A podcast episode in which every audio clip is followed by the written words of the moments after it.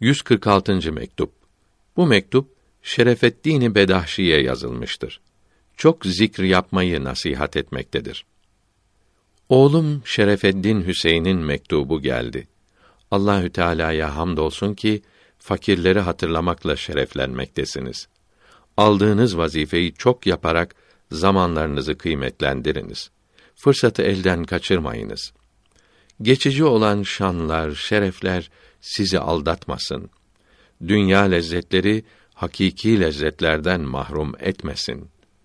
Farisi Beyt tercümesi Sana söyleyeceğim hep şudur. Çocuksun, yol ise korkuludur. Allahü Teala bir kulunu gençlikte tövbe etmeye kavuşturursa ve bu tövbesini bozmaktan korursa ne büyük nimet olur. Diyebilirim ki bütün dünya nimetleri ve lezzetleri bu nimetin yanında büyük deniz yanındaki bir damla su gibidir. Çünkü bu nimet insanı Allahü Teala'nın rızasına, sevgisine kavuşturur.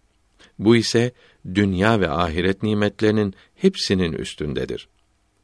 Ali İmran suresinin 15. ve Tevbe suresinin 73. ayetinde mealen Allahü Teala'nın razı olması nimeti daha büyüktür buyuruldu.